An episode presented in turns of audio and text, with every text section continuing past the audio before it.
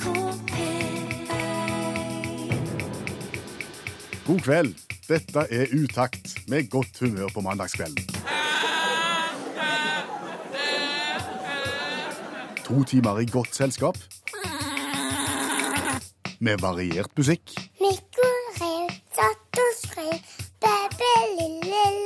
Per Øystein Kvindesland. og Bjørn Olav Skjæveland. Jeg erklærer herved Radioprogrammet Utakt for åpnet. Og vårt forsett er å fortsette som før. Med den samme formålsparagrafen, Skjæveland. Ja, og formålsparagrafen til Utakt er vær godt selskap på en mandagskveld og prøv å lage godt humør. Ja, og det liker vi å gjøre sammen med deg som hører på.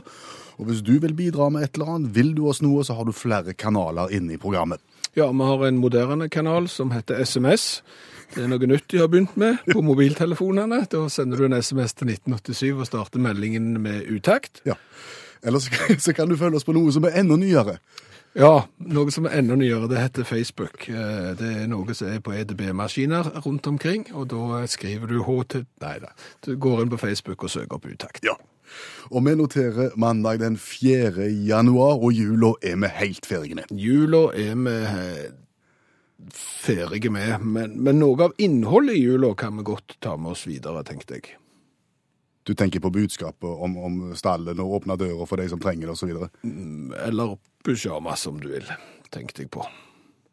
Du vil at vi skal ta med oss pyjamas fra julen 2015? Ja, for julen 2015, det var den julen når jeg kjøpte pyjamas til noen i presang, og det var den julen når jeg fikk pyjamas av noen i presang. Du fikk sjøl pyjamas. pyjamas. Bruker du pyjamas? Ja, eh, og det var veldig kjekt at jeg fikk pyjamas nå, fordi at den jeg hadde, eh, den, og dette er ikke tull, den var rakna på baksida. Fra strikken i toppen og ned til baksida av knehasen, så det så litt dumt ut. Så, så dermed så var det veldig kjekt når jeg fikk pyjamas, og så hadde jeg eh, ei som jeg er onkel til, som ønsket seg pyjamas, og da var jeg ute og handla pyjamas. Er det bare meg, eller, eller eh, Jeg tenker at pyjamas det er for barn, og så er det for kjempegamle menn. Ja, det er sikkert rett. Ja. Og der kommer Skjæveland 45. Ja, men jeg, jeg, jeg må være helt enig med deg. Egentlig så satte jeg ikke pris på det, før jeg plutselig satte veldig pris på det. Oh, Og nå det synes jeg Og så lunt og godt. Og alle tider. Ja. Men, men jeg liker ikke de moderne, og det det jeg har lyst til å ta opp nå, det er hva har skjedd med pyjamasen? Det vet jeg ikke, jeg har aldri prøvd. Altså, hva har skjedd med pyjamasen siden jeg fikk min første pyjamas som liten pjokk som var kjøpt i England på Marks Spencer og så egentlig ut som en dress, så jeg kunne gått med på skolen hvis jeg bodde i England, eh, til nå. Det har skjedd ting, ser du. No, noe spesielt du tenker på da? Både den pyjamasen jeg kjøpte, Ja. den pyjamasen jeg kasserte fordi at han var godtsomt, Ja. den pyjamasen jeg fikk. Alle de pyjamasene der hadde lange bukser med en topp med kort arm. T-skjortepyjamas? Mm. Men, men, men ikke, ikke nikkersbukser? Ikke shorts, nei. Nei. Nei, lange bukser, men korte topp, altså korte armer. Og da blir dere pyjamasfolket litt kalde på armene? Ja, det er det jeg jo ikke vet, eh, om det er pyjamasfolket, om vi er enige her. Men hva har skjedd? Altså, et rent enkelt, greit resonnement er jo at du tar på deg pyjamas fordi at det skal være varmt. Ja. Sant? Det skal være varmere enn å ligge uten pyjamas. Ja, litt sånn i forhold til trekken, for eksempel. Så kan det være trygt. For, for eksempel. Sant? Og da, når du da tar på deg en lang bukse, så er jo stort sett vanligvis, vil jeg påstå, at når folk sover, så har de underkroppen under dyna, inklusiv beina. Ja. Og, og, og, men det kan være greit med lange bukser for det, det er ikke det. Mens armene gjerne er oppå dyna. ja. Og utsatt for trekk. Ja. Og der er det korte armer. Altså, Skulle du modernisere pyjamasen, så kunne du i det minste tenkt motsatt. At vi kjører lange topp og korte bukser, fordi at eh, beina er mindre utsatt for det. Var ikke det var du som begynte å dra en trekk. Ja, dere, dere pyjamasfolk er opptatt av trekk og Ja, gjetter men- og kamp for drops. Så, så hva har skjedd, liksom, at vi nå har begynt med å så, så, så jeg spurte jo i butikken når jeg kjøpte den eh, damepyjamasen til, til hun som jeg er onkel til, og nei, nei, det var ikke. Da måtte jeg eventuelt kjøpe Altså, Påsydd armer. nei, ikke påsydd armer, men jeg måtte eventuelt kjøpe en topp, altså et eller annet sånn treningstopp med lange armer, eller et eller annet sånt, for det inngikk ikke i pyjamasen, det med lange armer. Så, det er jo Nei, jeg, jeg, bare stiller spørsmål jeg, om de som designer pyjamasene nå har tenkt mer design enn funksjonalitet. Og, og for, dere, for, dere, reagerer, det er det ingenting. tvil og Utakt har egen Facebook-side. Mm. Med eget profilbilde og alt, og der kan du søke oss opp. Og for deg som ikke helt vet hva Facebook er, så er det et sosialt medium der du ja, kan eh, gå inn og kommentere, melde deg på arrangement og informere osv. osv. Og og akkurat nå, i dette sekund, så sitter jeg og ser på et profilbilde av ei dame som jeg kjenner. Alder. Mellom 30 og 40. Fint bilde. Jeg må si at naturen har fart godt med, med, med vedkommende, så det er ikke noe i veien med det profilbildet i det hele tatt. Og det er mange, mange, mange som har kommentert dette profilbildet nedover på sida her. Det fineste deg, vakre, skjønne dame, flotte, kjempeflotte, nydelige, flotte deg, og, og så videre, og så videre. Nedover i massevis. Mm. Dette har vi sett før. Damer som legger ut fine bilder av seg sjøl og får en hel haug med kommentarer unna. Ja, av damer. Bare damer. Ja, for når du ser nedover her, alle som har kommentert dette bildet her, ingen mannfolk. Jeg vil jo tro at det var en del menn der ute som kunne tenkt seg og sagt noe fint om vedkommende. Ja, men du kan ikke. Nei, det går ikke. Nei. Du, du kan ikke gå inn og kommentere et profilbilde til ei dame på Facebook som mann. Med mindre du Nei, altså, nei, Nei, det, det går ikke uansett om du har hensikter, uansett om du for si sånn, ikke var gift og var på jakt, og vedkommende der heller ikke. Du kan jo ikke. Hvis jeg skriver 'Å, så flott du var', kunne ikke jeg sagt det? Nei, du kunne ikke det. Det, det, det, bare... Å kommentere utseendet til damer på Facebook er forbeholdt damer. Da får vi kommentere utseendet til menn. Det er også forbeholdt damer. Men vi gjør ikke det heller, nei. Nei, vi gjør ikke det. Altså hvis, dette er jo bare rent hypotetisk, for det hadde jo aldri skjedd, men la oss nå si at du hadde lagt ut et eh, profilbilde av deg selv i solnedgang, ikledd speedoen din, eh, med, med Innsmurt i kokosnøtt- kokosnøttolje. ja, Altså, og, og, og lyset var riktig, og det var alle tiders Ja, et, flott. et, et bilde som jeg forsøkte å, å gjøre fint. Ja, Ja. Der, der du var på det fineste. Så, så er det jo ingen av dine kamerater, og ingen av dine... Hadde ikke du gått inn da og skrevet 'så flott du var'? Nei. For det første, så, så altså, vi, vi mannfolk mener jo ikke sånne ting om hverandre, stort sett, sant? Altså, vi, vi, vi gjør jo ikke det. Så, så det igjen hadde også blitt forbeholdt damene. De hadde gått inn og sagt eksempel, å, så fin du var i speedoen, eller, sant? For, for et muskelspill som speiler seg i, i vannet der, eller noe. OK, så det går. Damer kan kommentere menn, Ja, men menn kan ikke kommentere damer. Det er det du sier? nei. Så, så vi kan strengt tatt ikke kommentere utseendet på hverken mannfolk eller damer på Facebook. Grunnregel. Nei, OK. Damer bruker jo gjerne sånn vinbilder. De sitter i solnedgangen med, med, med, med, med noe kvitt i glasset, som de sier. Ja, men um, ja. Og, og får kommentar 'Å, så flott du var'. Ja, men altså, det er jo en velkjent, det er jo en velkjent sånn en vinner på Facebook. Det er jo damer, som du sier, som, som sitter i solnedgangen på Mauritius og sånn, med vinglasset, eller i Paris, eller i London, og, og gjerne annenhver helg. Eh, Og, så, og, så, og da kommenterer damer 'Å, for ei fine dame', 'Å, så flott du var', også sånn. Men når vi mannfolk gjør det samme Ja, vi gjør det jo ikke så mye med vinglass, Nei, nei, nei. Vi gjør det gjerne eksempel med, med, med pils, for eksempel. I, i solnedgangen. Eller på pub, Ja. for eksempel. Da kommenterer vi. Da kommenterer vi, men vi, vi, vi sier jo ikke 'Å, så fin du var'. Vi sa 'Det så godt ut'. Klokka den er 23 minutter over 22 på mandagskvelden, og nå skal vi starte en, eh, en slags ny programpost som vi har valgt å kalle Korrespondenten. Alltid våken. Alltid oppdatert. Alltid nyhetssøkende. Korrespondenten. Og korrespondenten, det er deg, Bjørn Olav Skjæveland. Ja, det er det.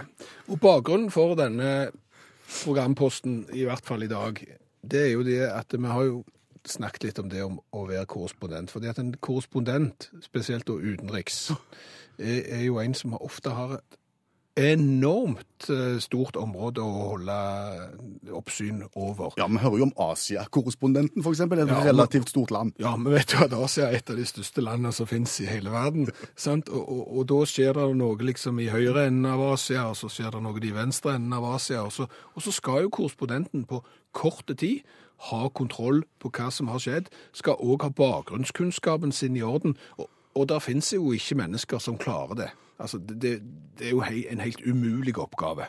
Og dermed så må du ta litt på, eh, kan du si, eh, ja, litt på hukommelsen fra ungdomsskolen og, og gymnaset. Og, og, og litt muligheter må du òg ha til å improvisere. Nå, nå snakker du litt etter, etter det jeg har grunn til å tro-prinsippet. Ja, men du, du må jo det. Du, du, det er jo ikke alt, sant? For ofte så smeller det jo, og så må du ut. Og, og da må du være på alerten bare sekunder etterpå. Og, og det er klart at da må du ha muligheten til å improvisere ut ifra gammel kunnskap. Har du en liten korrespondent i magen, egentlig? Det er jo det vi har snakket om, at hvor vanskelig kan det egentlig være å være korrespondent? Er sannsynligvis ikke så veldig vanskelig. tenker du. Nei, og, og her kommer da konseptet inn i bildet, for det vi skal gjøre nå, og dette er helt sant. Ja, helt ekte. Helt ekte. Jeg har funnet fram til en uh, sak, en nyhetssak, ute i den store verden. Du aner ikke hva sak det handler om. Nei. Eh, vi skal nå sende deg liksom ut til dette stedet her. Du skal ut av studio, du skal få på deg en, en, en bærbar sender. Du skal stå og kun kommunisere med meg, og du skal da med bakgrunn i eh, folkeskolekunnskapen din, eh, livserfaring og sunn fornuft, kunne fortelle oss litt om det som har skjedd. Sier du, så enkelt altså. Ja, for det er jo en del begreper der som jeg tror som korrespondent så kan du gå litt rundt grøten eh, og dra litt, eh, ja, rett og slett trekke veksler på litt forskjellige ting eh, og, og lande på, støtt på begge beina, er i hvert fall min teori. Det vil vise seg. Da skal du få lov til å gå ut av studio og gå ut i et tilstøtende rom og ta på deg headsetet ditt, og så i mellomtida så kjører vi en vignett for korrespondenten.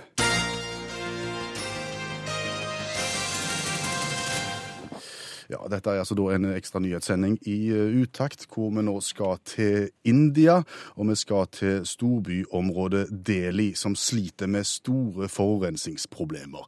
Mye av forurensningen kommer fra privatbilismen, eh, og så ille har det nå blitt at myndighetene har sett seg nødt til å ta grep i forhold til privatbilismen.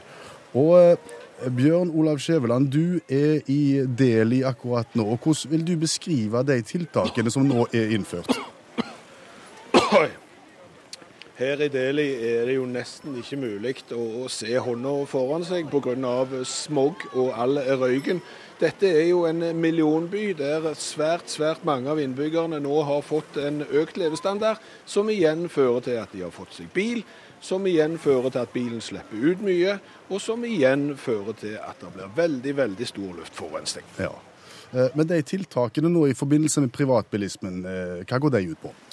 Eh, De tiltakene går jo ut på å få ned privatbilismen. Og noen av de virkemidlene som ja, ordføreren og det politiske styret i Deli har valgt å bruke, er jo å prøve å, å snakke folk til fornuft. Prøve å fortelle at sånn kan vi ikke ha det. Vi må få flere folk til å bruke én bil, istedenfor at alle skal kjøre kun seg sjøl og matpakken sin. Ja, De har altså rett og slett innført en ordning der eh, biler som har skilt som slutter på partall, får kjøre den ene dagen, mens den andre dagen så er det biler som har skilt som slutter med oddetall, som får lov til å kjøre. Og dersom en bryter disse reglene her, hva for noen sanksjoner har myndighetene da, Skjæveland? Eh, De kan jo ta skiltene på bilen, eh, og de kan bøtelegge. Ja. Og, og, eh, og det er klart at eh, i et kastesamfunn som India, så blir du jo på en måte merka hvis du sli... Altså hvis, hvis, hvis, Naboen merker hvis du har tatt bilen når du ikke skal. Eller, eller så har du fått 30 dollar i bot. Eh, Hvordan har reaksjonene vært på de, på de nye ordningene? Skjæveland? Folk forstår jo at noe må gjøres, men eh, det er jo i India som det er i eh, Norge. Vi vil gjerne gjøre noe, men vi vil helst at de andre skal gjøre det. Og, dermed så, så er det jo ikke så mange som har, har lyst til å ta et tak sjøl. Ifølge rapportene så er folk veldig positive til de nye ordningene. Mm. og, men, men dette betyr jo at folk må komme seg til jobb på andre måter når bilen må stå hjemme. Hvordan kommer de seg til jobb nå, inderne, du er i del i området?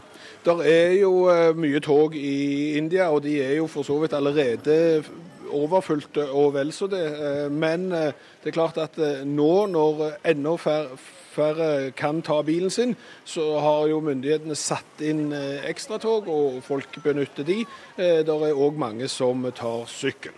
De har faktisk satt inn 1000 ekstra tog hver eneste dag. Ekstra turer med tog hver eneste dag for å eh, møte Absolutt. hvor, hvor- stor er befolkningstettheten i dette Delhi-området i India? Skjæveland? Den er veldig stor. Eh, Hvis du skal sammenligne det med noen byer som vi har et forhold til, så er befolkningstettheten omtrent dobbelt så stor som Paris. Og Paris er Paris er Der bor det jo en del millioner på ganske lite Altså, de snakker om sentral-Paris. ja, snaut 20 millioner i, i, i Delhi-provinsen, som da innbefatter både Old og New Delhi. Det vet du ikke, sant? Ja, ja, du må, du må ikke blande gamle og nye Delhi. Nei. Hvor lenge skal dette prøveprosjektet med privatbilismen vare i, i Delhi, Skjæveland? Det skal vare ut eh, 2016. Eller i 15 dager?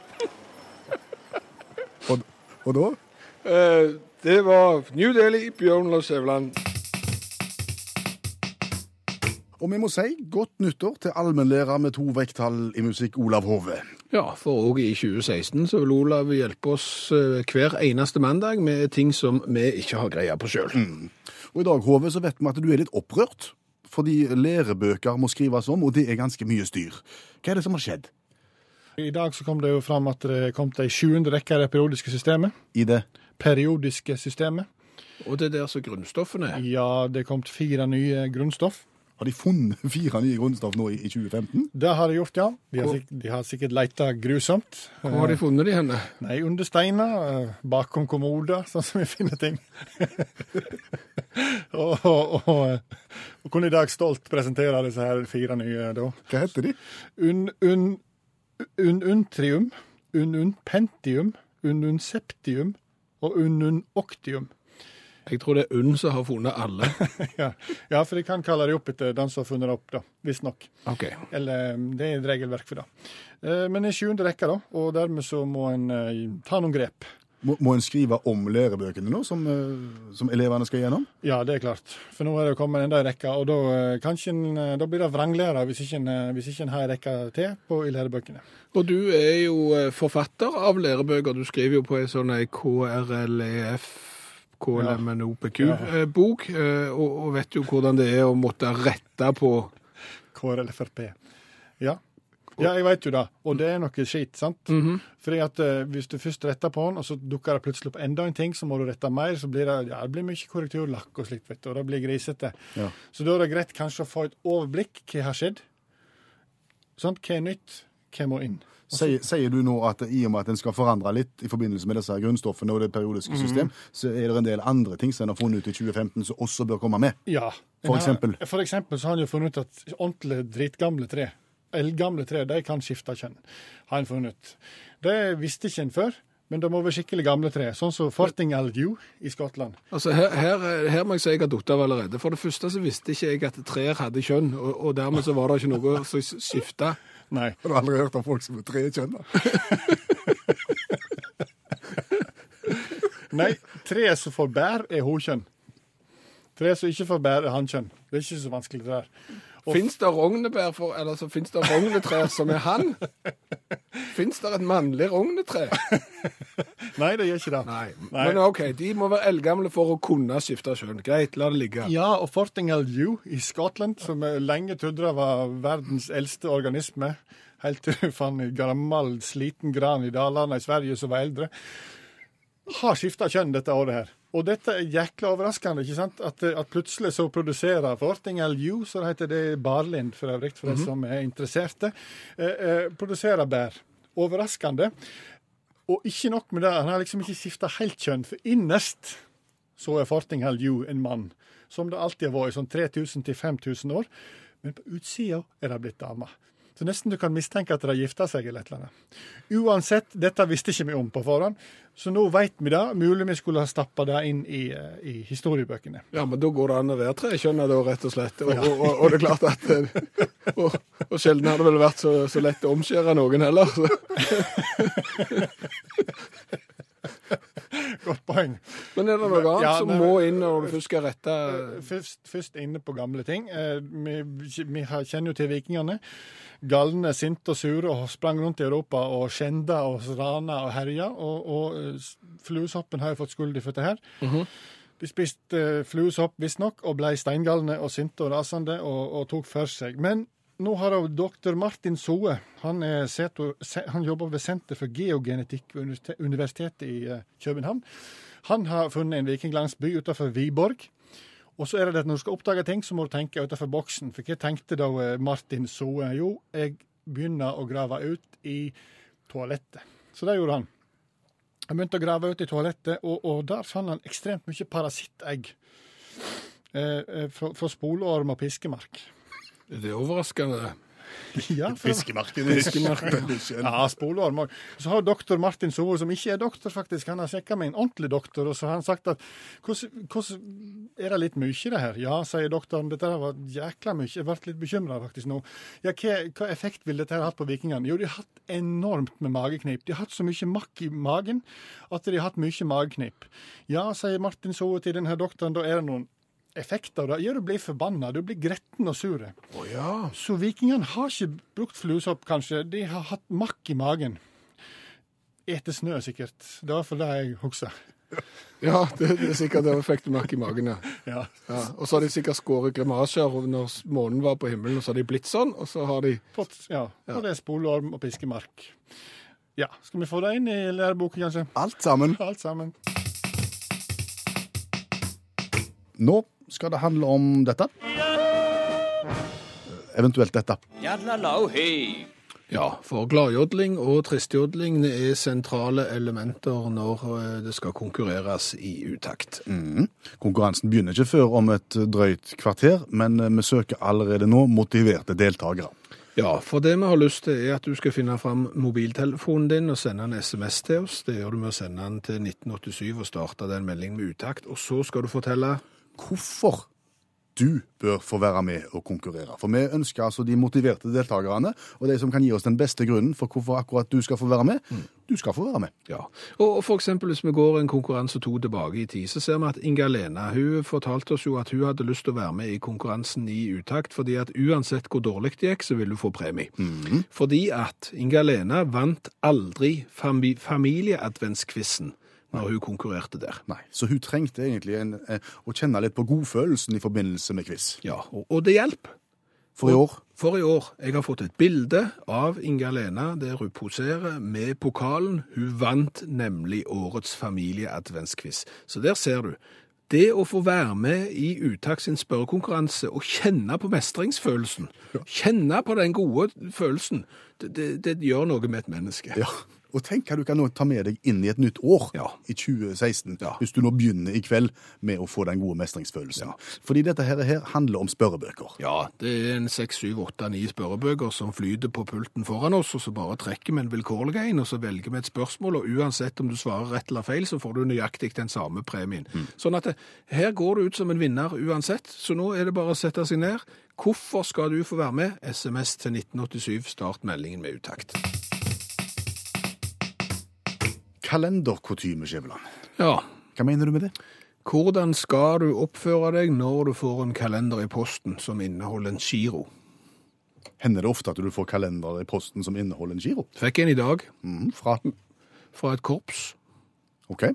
Uh, nei, det skjer jo ikke ofte, for det er klart at det er jo bare rundt nyttår. Det er jo veldig få som sender ut kalender i august, Ja. selv om det kanskje kunne vært en, bare en forretningsidé, jeg sier ikke mer. Men det er jo rett før eh, rundt jul, og nå rett rundt nyttår, at eh, du får kalender enten av samarbeidspartnere, folk du har hatt i arbeid, et eller annet, eller så får du denne varianten her, som da er en organisasjon, et lag, en eller annen som har lagt en kalender, som legger den i postkassen din, og så det, ligger det ved en giro, der du håper at du skal sette såpass stor pris på kalenderen at du betaler inn penger til organisasjonen eller laget.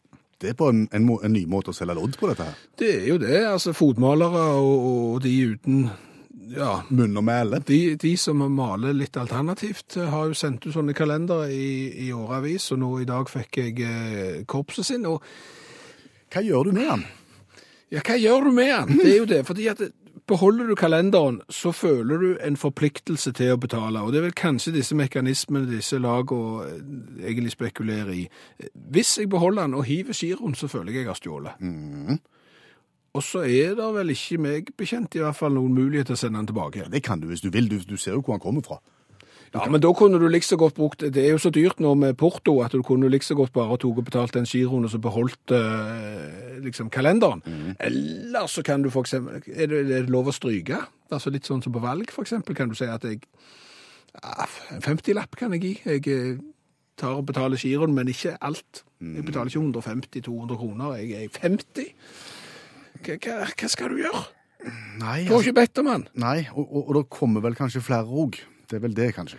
Ja, du, du, tenker på smitteeffekten? du? Ja. at det, liksom, det begynte med en kalender bare for å ha det gøy, og så, så balde det på seg til slutt. Så satt du der i en jungel av januar og februar og, og mars og april og, Ja. og kom ikke ut av det. Og, og må begynne å snakke anonymt når du snakker på radioen fordi at du er blitt hekta på kalenderet. Da må du ta en dag av gangen, tenker jeg. Nei, jeg vet ikke. Jeg, jeg fikk den i dag, som sagt, og nå jeg må gjerne ta og vurdere. Skal jeg eh, Det er nok med at jeg betaler, vet du. Jeg syns kanskje du skal gjøre det. Ja. Korps, vet du. Ja. Korps, det er jo der eh, ungdommene blir oppfostra og, og, og, og lærer ting. Ja. Der de lærer De burde jo lært musikk, men, men ofte så lærer de andre ting. Ja, de, de er innom det òg, ser du. Ja, jo. Ja. Jeg eh, kan jo stå fram som den som har gått i korps, og som kanskje da bør betale denne. Fordi at eh, korpsforeldre Aha. Hvis ikke vi betaler dette her, så må jo korpsforeldre gå dugnad hver dag. Nå går det jo bare dugnad annenhver dag, Mm. sånn at hvis vi nå betaler for denne kalenderen, så betaler vi for litt mindre dugnad. Da, Skjæveland, drar vi i gang Vignett. Konkurransen i utakt der alle er vinnere, men der vi søker motiverte deltakere. Ja, det gjør vi, fordi at vi vet at eh, når du har en indre motivasjon, så yter du òg best. Og jeg fikk jo annet en SMS fra en av våre lyttere som var med i konkurransen for to år siden. Han eh, var med fordi at han lovte å slutte å røyke. Han har fått en SMS som bekrefter at han har vært røykfri i to år nå, og fremdeles går med utakts i T-skjorta med vedhals og sprader stolt med den. Deltakelse i vår konkurranse kan altså føre til røykeslutt, annet. Ja, og, folk er motiverte. For eksempel har hele jula spilt spill med ungene sine og, og lata som at han er dårligere enn ungene og har jors på å tape eh, og trengte nå en opptur og, og noe, en grunn til å vinne. Jeg har også spilt med ungene mine, men jeg har vunnet hver eneste gang. Jeg har tenkt at hvis de ikke er gode nok til å vinne, så, så må de òg lære å, å tape. Så vi har forskjellige Så der har vi deg. Der har vi, der har vi meg. Ja, men vi har falt for, for Fredrikke, for Fredrikke skriver følgende til oss i dag. Eh, Jeg skal få gjerne være med på konkurranse, da jeg fremdeles har juleferie på fjerde uken, og det er vel flott, tror vel dere, men jeg bor 100 kilometer fra nærmeste McDonalds, og her skjer det ikke stort. Jeg må ha noe jeg kan fortelle mine medstudenter at jeg har gjort i julen. Hilsen Fredrikke, altså. Ja, og nå er vi jo helt på tampen av juleferien, så det, Fredrikke, skal du få lov å fortelle om. Hæ? Det skal du få lov til å fortelle medstudentene dine om. Jo, tusen takk. Jo, og da eh, håper vi at du kan fortelle dem at det har gått strålende, men eh, hvis det ikke går så strålende, så får du uansett premie. Det er jo det som er fordelen her. Jeg kan jo eventuelt eh, ljuge og si jeg vant. Det kan du gjøre. Det kan du gjøre. Og når du forteller at du bor 100 km fra nærmeste McDonald's-restaurant, hvor bor du hen da? Jeg bor i Numedal. I Numedal, ja. Og studerer Jeg er byggingeniør. byggingeniør. Da skal vi gjøre det sånn at jeg har åtte spørrebøker foran meg. Du tar og velger et tall fra én til åtte, og hvis du svarer rett på det spørsmålet du får, så får du litt gladjodling. Svarer du feil, så blir det tristjodling. Men dette kan fort gå godt. Og hva nummer skal vi ta? Sju. Sju. Om det er en radio i nærheten av deg, Fredrikke? Ja. Ja, Du kan skru ned den radioen, for jeg får litt sånn ekko på stemmen din. Ja, da skrur den ned nå. Flott. Da går vi på sju. 1, 2, 3, 4, 5, 6, 7. Vi havner på Quiz-giganten. 3000 spørsmål og svar. Og hvis du velger et sidetall mellom 1 og 380 Jeg velger én, jeg. Helt i starten. Det var noe utrolig. Skal vi se. Lesestund for de minste. 15 spørsmål å velge i, og du vil ha spørsmål nummer Eh, Tre. I eventyret hører vi at Espen Askeladd vant Kongsdatteren. Hva mer vant han? Han vant kongs... Kongs hva? Han vant Kongens datter, og hva mer vant han utenom Kongens datter? halve kongeriket. Han gjorde det, vet du. Ja, utrolig god på lesestund for de minste, du altså. Ja, jeg er ikke så dårlig på det. Nei, det er bra. Da var vi ferdige med Quiz-giganten, eh, og så skal vi da velge ei spørrebok til. Da er det syv stykker igjen. Hva vil du ha? Da velger jeg tre. Tre. Og vi holder oss på spørrebøker for barn. Vi er da på barnas egen spørrebok nummer ni fra 1965. Hvor gammel var du i 1965? Da var jeg ved minus 30 år. Ja. Men mamma ble født da.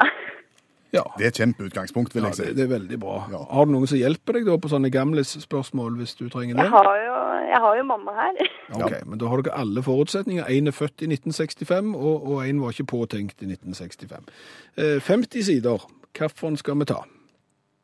Da velger vi eh, side sju.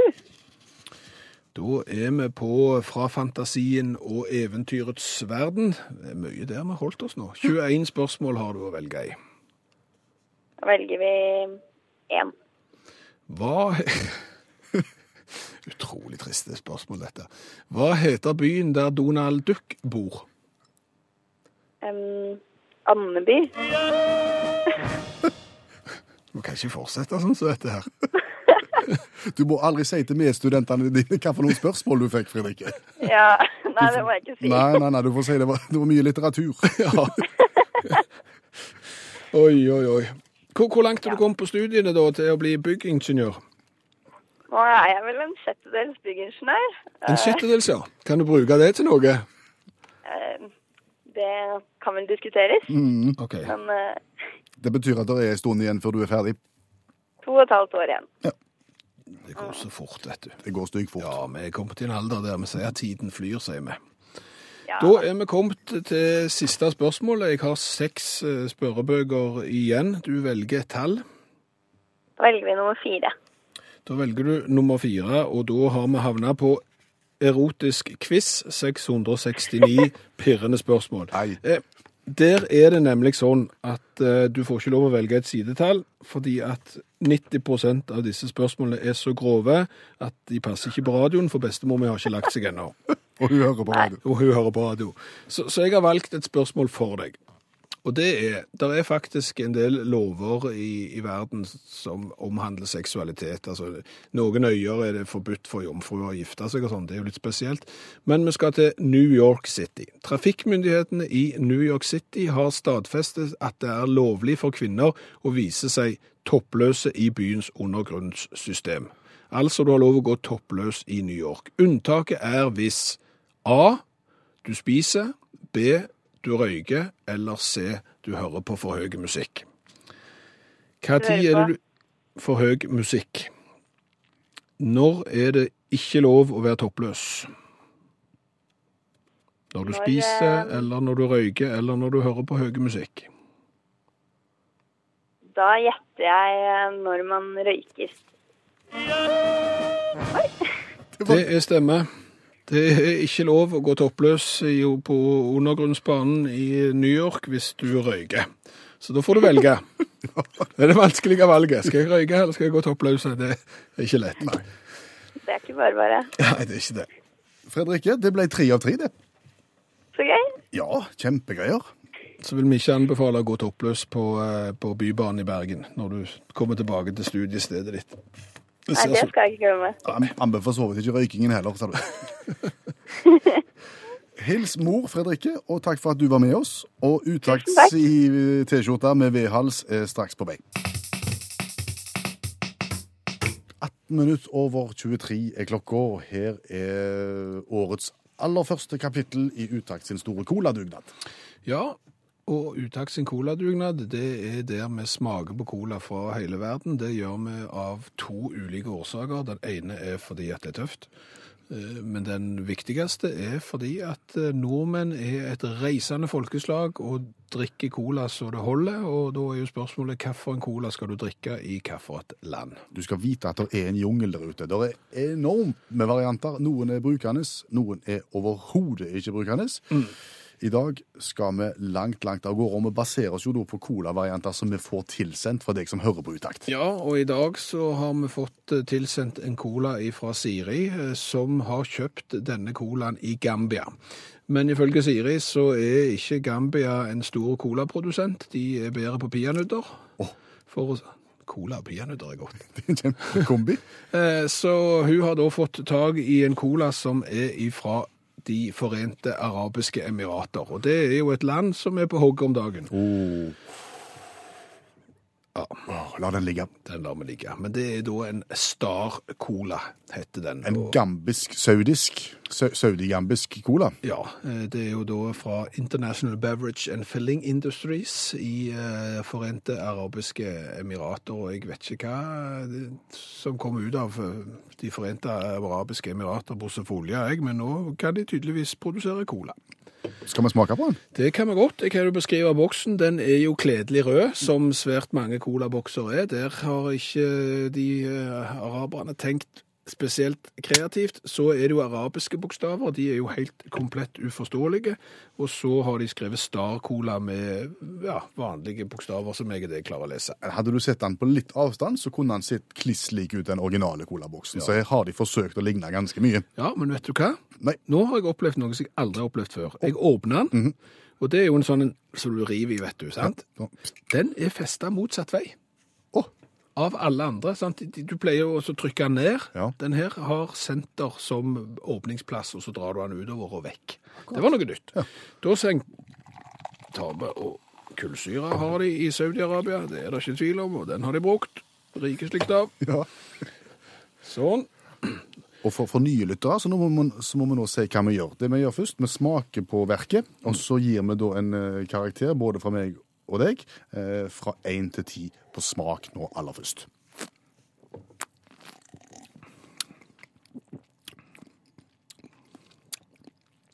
Slettes ikke verst. Det vet nå ikke jeg.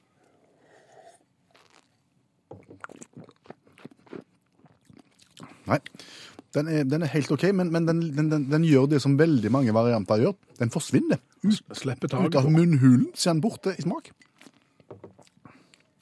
Er klart, ligger du på stranden i Saudi-Arabia i de korte buksene dine, mens kona ligger ved siden av i ikke de korte buksene sine, så, så, Skal det, så, skal det være godt med en star? så, så ikke den verste, den her. Altså, jeg er midt på treet for meg. Fem.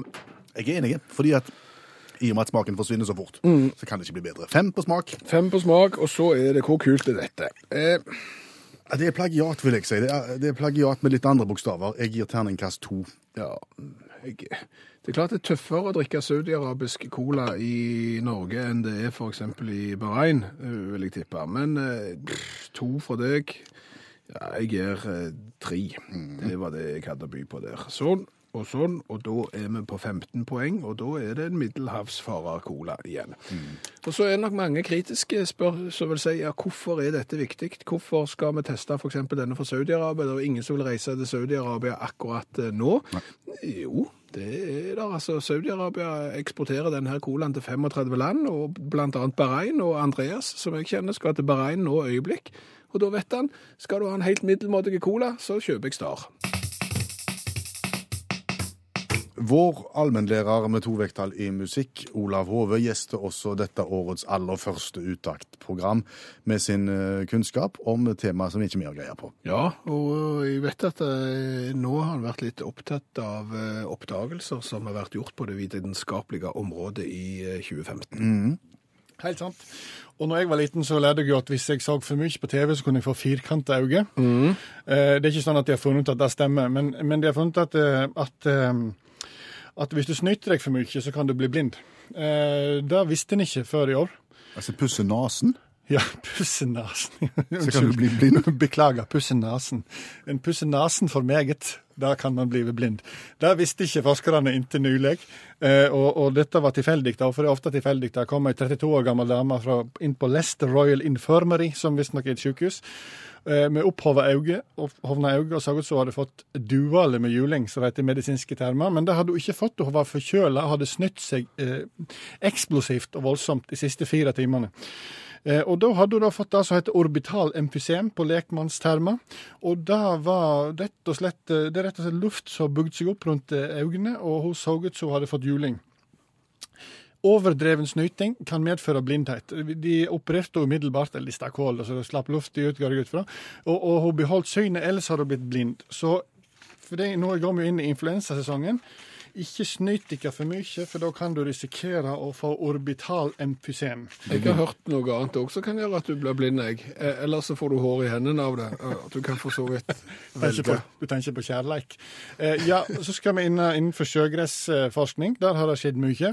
Eh, Oregon State University har jo, som vi vet, eh, en avdeling som heter Hatfield Marine Science Center. De er veldig kjent for akkurat den avdelingen sin. Ja, de har forska mye på sjøgress. Sjøgress er jo interessant, det er jo egentlig ikke gress. Um, det var jeg kanskje klar over, men eh, det er mer sånn enfrøbladet plante, men det ligner på gress. sant? Og dette her jo, ja, vokser jo på mjuk bunn, i motsetning til tang og tare, som vokser på hard bunn. Ikke si at du ikke lærer noe av å høre på dette radioprogrammet. Eh, og, og, og jeg har jo, og kan love dere, jeg har drevet opp mye sjøgras fra Sognefjorden.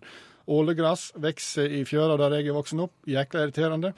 Men nå har disse her folka da forska på dette her med sjøgress, og de har forska i den forstand at de har liksom da para forskjellige sorter.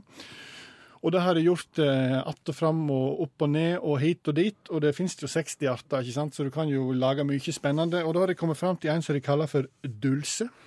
Har de lagd en ny art? Ny art ser ut som flatbanka rødkål. Um, og det er for så vidt greit, men det, det som de har oppdaga helt tilfeldig, det er at det smaker bacon. Og det er jo genialt, altså. Hallo? Hallo! Nå, Petter Stordalen, nå må du høre godt etter på hotellene dine. Nå kan du da servere Dulsesjøgress og som smaker bacon. Dulsesjøgress smaker bacon. Altså, du bare, og det du kan gjøre, det er faktisk mulig å få snitta det opp så det ser ut som bacon òg, for fargen er jo der. Du må bare lage det i skive. Så steker du det som du gjør med bacon, og, og, og serverer det med egg, så smaker det identisk. Klart at det er langt fram til å kjøpe deg oppe på bensinstasjonen og kjøpe deg i sjøgresspølser. Det er jo ikke det, er ikke det helt store, kanskje. Men, men sier de, om, om la oss si fem til ti år, så kan det være at vi bestiller egg og sjøgress på, eh, på Choice-hotellene rundt omkring i landet. Men er det sunt? Det er mye sunnere, vet du, enn bacon. Det sier seg sjøl. Det kommer jo, det er ikke fett. Mer protein. Og det kan være sånn at du sannsynligvis kan fråtse og føle deg sunn eh, hvis du spiser dulse. Er jo alle tiders. Ja, ja. Og vi sa innledningsvis at vi er ferdige med jula, Skjæveland, men den gang ei, sier du. Ja, men vi er ikke det, fordi at uh, vi må debrife bitte lite grann, for det har jo skjedd ting i jula som, som jeg, jeg syns er bitte lite grann problematisk og litt uforståelige, som jeg kunne tenkt meg å, å ta opp. Og, altså, bare la oss ta én ting. Vi skal ikke gå inn på det delikate, følsomme spørsmålet om nissen fins. Det, Er det delikat og følsomt, det? ja, det er jo de som mener at den ikke fins. Ja, ja de fins. Jeg skjønner han fins. Ja. Det er klart han fins. Men, men vi vet jo det at den stakkars nissen som fins, Ja. eh, har jo ikke tid til å rekke overalt alltid. Nei.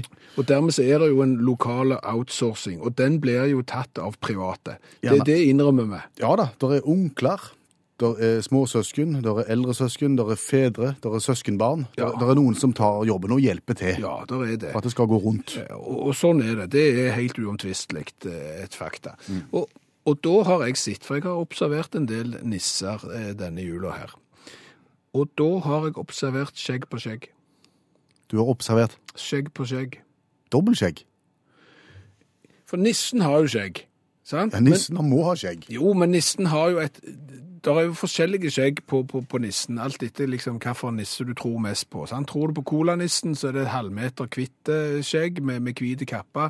Tror du på fjøsnissen, så er det gjerne litt gråere, ikke fullt så, så langt, kombinert med, med knickers og, og, og, eh, og, og selbuvotter og litt eh, altså, Det er litt ymse framtoninger der. Det jeg vil fram til, er at når du da kommer inn og skal være nisse, og har tatt skjegg oppå skjegget, det syns jeg blir for galt. Altså, Her har du fra naturens side den gaven at du har hårvekst midt i ansiktet ditt, og så skal du prøve å dekke til det med et nytt skjegg.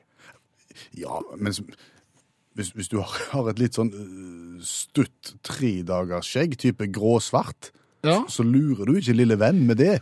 Hallo?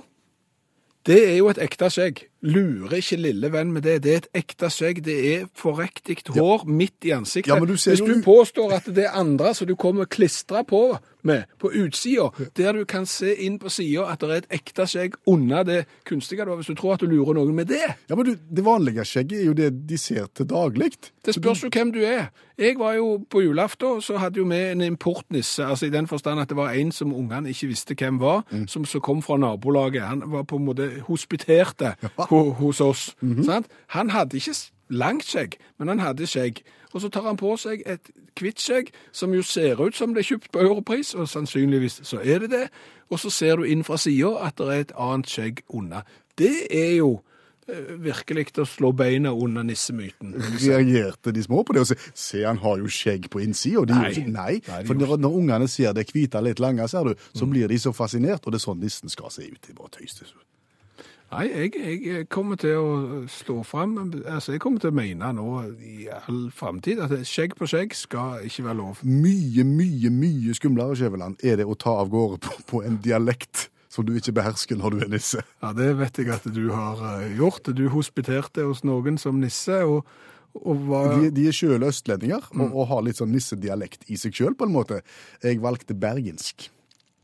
Hold igjen. Halla, halla, er, Og det fungerte ikke. Du kan ikke være bergensk en halaien, du, så jeg lurer på om du fortsatte da. Er det noen snille barn her, da? Nei, det går ikke det.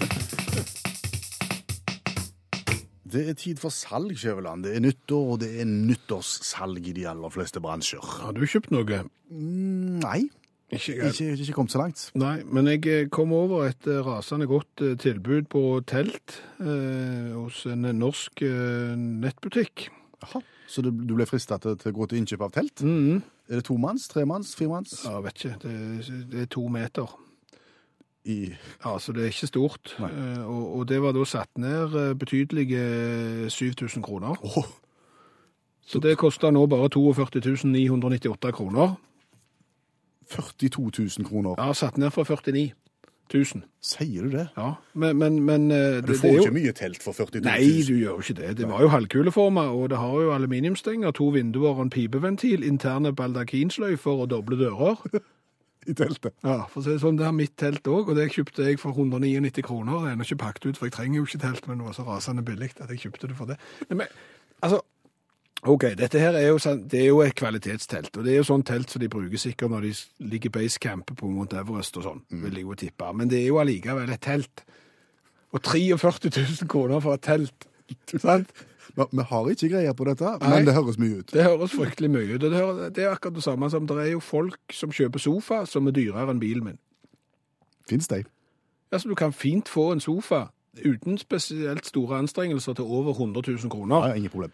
Og, og, og den uh, lille elbilen som jeg eh, kjører, den kan du kjøpe nye nå for under 140 000. Så, så tenk deg da, en, et batteri, fire hjul, litt drivverk, radio med utrolig dårlig dekning. Eh, alt dette får du da for 140 000. En sofa! Det har du ikke varme i setet engang. Det, det er ingenting det, er altså, Hva er det for noe?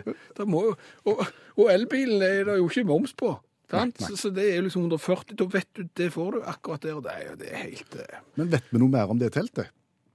Er det kjøkken? Nei, det, det er bare telt. Det er en, halv, det er en halvsirkel. Det, det er en dome. Ja. Men det er klart, skal du gjøre det fint, altså, det er jo da det halvkuleforma basecamp-teltet som, som kun kombinerer det beste. Altså teltet, det, det som står her er, hvis du har planer om å tilbringe lang tid i eller ofte er i basecamp, er to meter dom drømmeteltet. For å si det sånn, for den prisen der, så kan du få deg en halv campingvogn, og så kan, kan du kose deg med den. Den er tung å dra til basecamp. Hør flere podkaster på nrk.no podkast. NRK P3